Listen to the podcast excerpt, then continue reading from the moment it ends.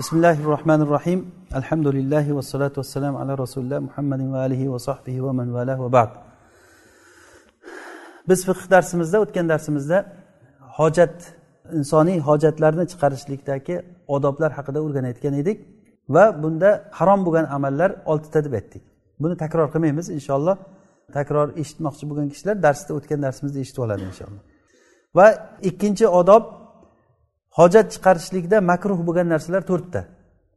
To'rtta ish hojat chiqarishlikda makruh bo'ladi. Birinchisi hojat paytida gapirishlik. Hojat paytida gapirishlik. Ikkinchisi shamol esadigan tomonga qarab bavul qilishlik.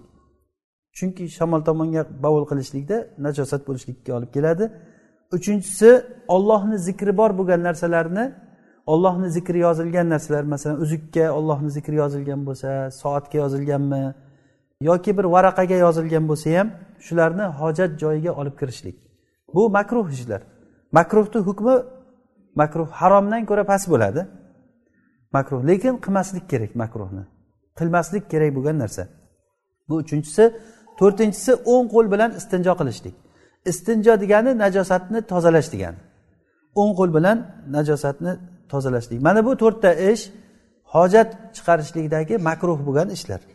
Biz inshaalloh bularni qisqacha qilib turib dalillari bilan aytishga harakat qilamiz. Birinchisi birinchisi demak makruh bo'lgan narsalar birinchisi hojat paytida gapirishlik makruh dedik. Jobir roziyallohu anhuni hadisda keladi rasululloh sollallohu alayhi vasallam hojatda o'tirgan paytlarida ya'ni bovul qilayotgan paytlarida oldidan bir kishi o'tib qoldi.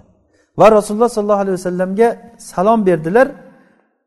Salom berdilar. Rasululloh sollallohu alayhi vasallam bu holatda uni salomiga javob bermadi.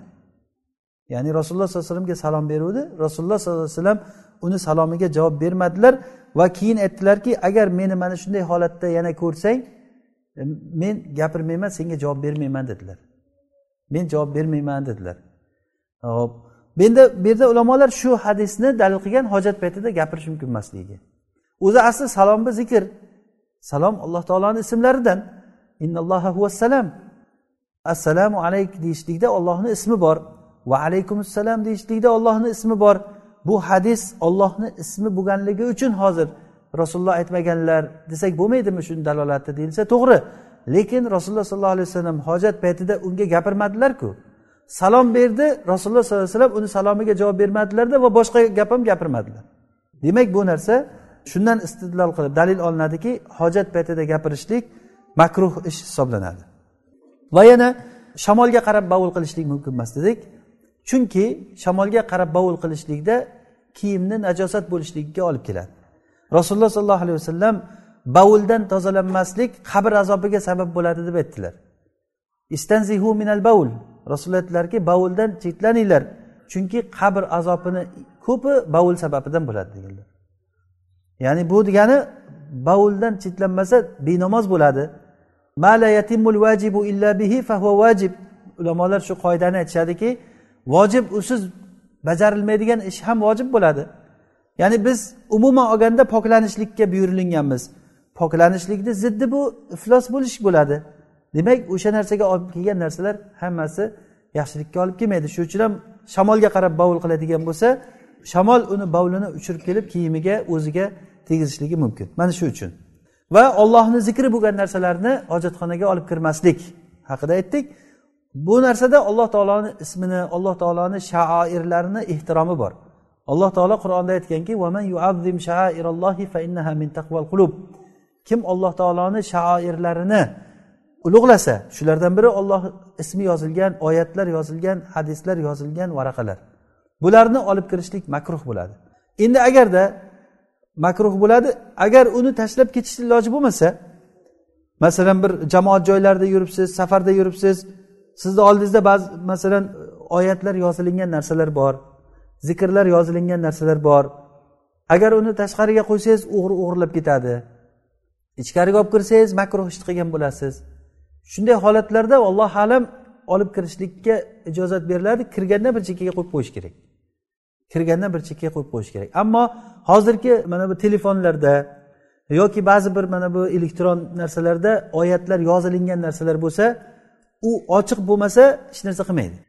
Bu ulamolarni aytishlaricha madinida ya'ni bu o'zini joyida turibdi degani xuddiki insonni qalbidagi qur'on yodlangan qur'oniga o'xshab. Hojatxonaga kirganingizda ham qalbingizdagi qur'on siz bilan birga kiradi baribir. Demak bu madinada bo'ladi. Madinadagi narsa u birga yuribdi deb hisoblanilmaydi. Shuning uchun ham ulamolar aytishadiki tuxum agar tuxum aynib qonga aylanib qolgan bo'lsa insonni cho'ntagida bo'lsa ham u najosatni olib yuribdi deyilmaydi. Qachon yorilib ketsa keyin najosat bo'ladi. Insonni ichidagi akramakumulloh masalan inson ichidagi najosatlari ham xuddi shunday.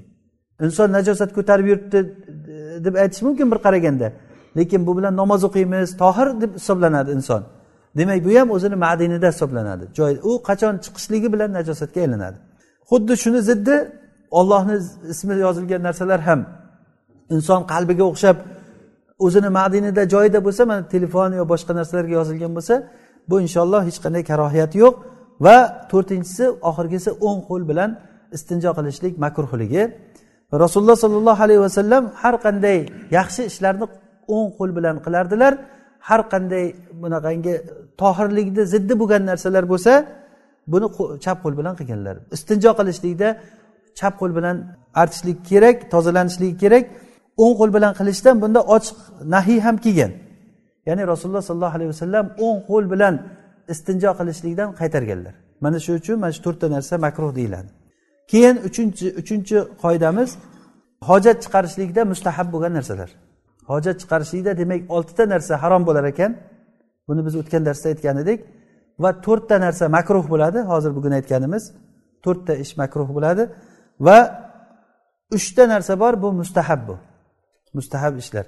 Birinchisi kirish paytida bismillah deb olloh taolo nomi bilan jinlardan erkaku ayollardan panoh tilab duo qilib kirish. Allohimma inni auzu bika minal xubsi val xabais buni hammamiz e, ko'pchilik buni biladi duo qiladi shu bilan. Buni rasululloh sollallohu alayhi vasallam bizga o'rgatganlar.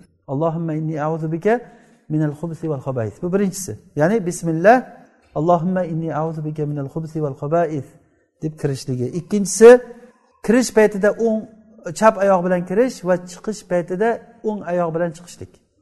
Mana bu mustahab ish. Ya'ni shuni niyat qilib turib shu ishni qilsa inshaalloh savob bo'ladi bunda. Uchinchisi bu oxirgisi hojatxonadan chiqqanda g'ufron aka degan duoni o'qishlik. Bu oson yodlab qo'yamiz mana g'ufron aka. G'ufron aka deyishlik. Mana bu qisqacha hojatdagi mustahab ishlardan. Buni dalillari dalillari hozir kirishda bismillah deyishlik va chiqqanda g'ufron aka deyishlik. Rasululloh sollallohu alayhi vasallamni sunnatlarida shunday kelgan. كان صلى الله عليه وسلم إذا دخل الخلاء قال اللهم إني أعوذ بك من الخبث والخبائث rasululloh sollallohu alayhi vasallam agar hojatxonaga kirsalar aytardilarki ey ollohim men sendan erkak va ayol jinlardan panoh tilayman derdilar demak mana shu bilan mustahab bo'ladi va chap oyoq bilan kirib o'ng oyoq bilan chiqishlik bu xuddiki istinjo paytida o'ng qo'lni ishlatmaslikka o'xshaydi rasululloh sollallohu alayhi vasallam sunnatlari rasululloh sollallohu alayhi vasallam sharafli deb aytilingan ishlarni hammasini o'ng bilan qilganlar. Bu shu jumladan masjidga kirganda o'ng oyoq bilan kirish chiqqanda chap oyoq bilan chiqishlik birovga bir narsa uzatganda o'ng qo'l bilan berishlik oluvchi odam o'ng qo'li bilan olishlik mana bu narsalar hammasi nima? Odoblardan hisoblanadi. Va oxirgisi g'ufronaka deyishlik. G'ufronaka. Rasululloh sollallohu alayhi vasallam sunnatlaridan agar hojatdan chiqsalar g'ufronaka derdilar. Ya'ni buni ma'nosi ey ollohim o'zing mag'firat qilgin seni mag'firatingni so'rayman degani bu. Ulamolar buni nima uchunligini aytishgan ya'ni har xil tavillar bilan aytishgan buni.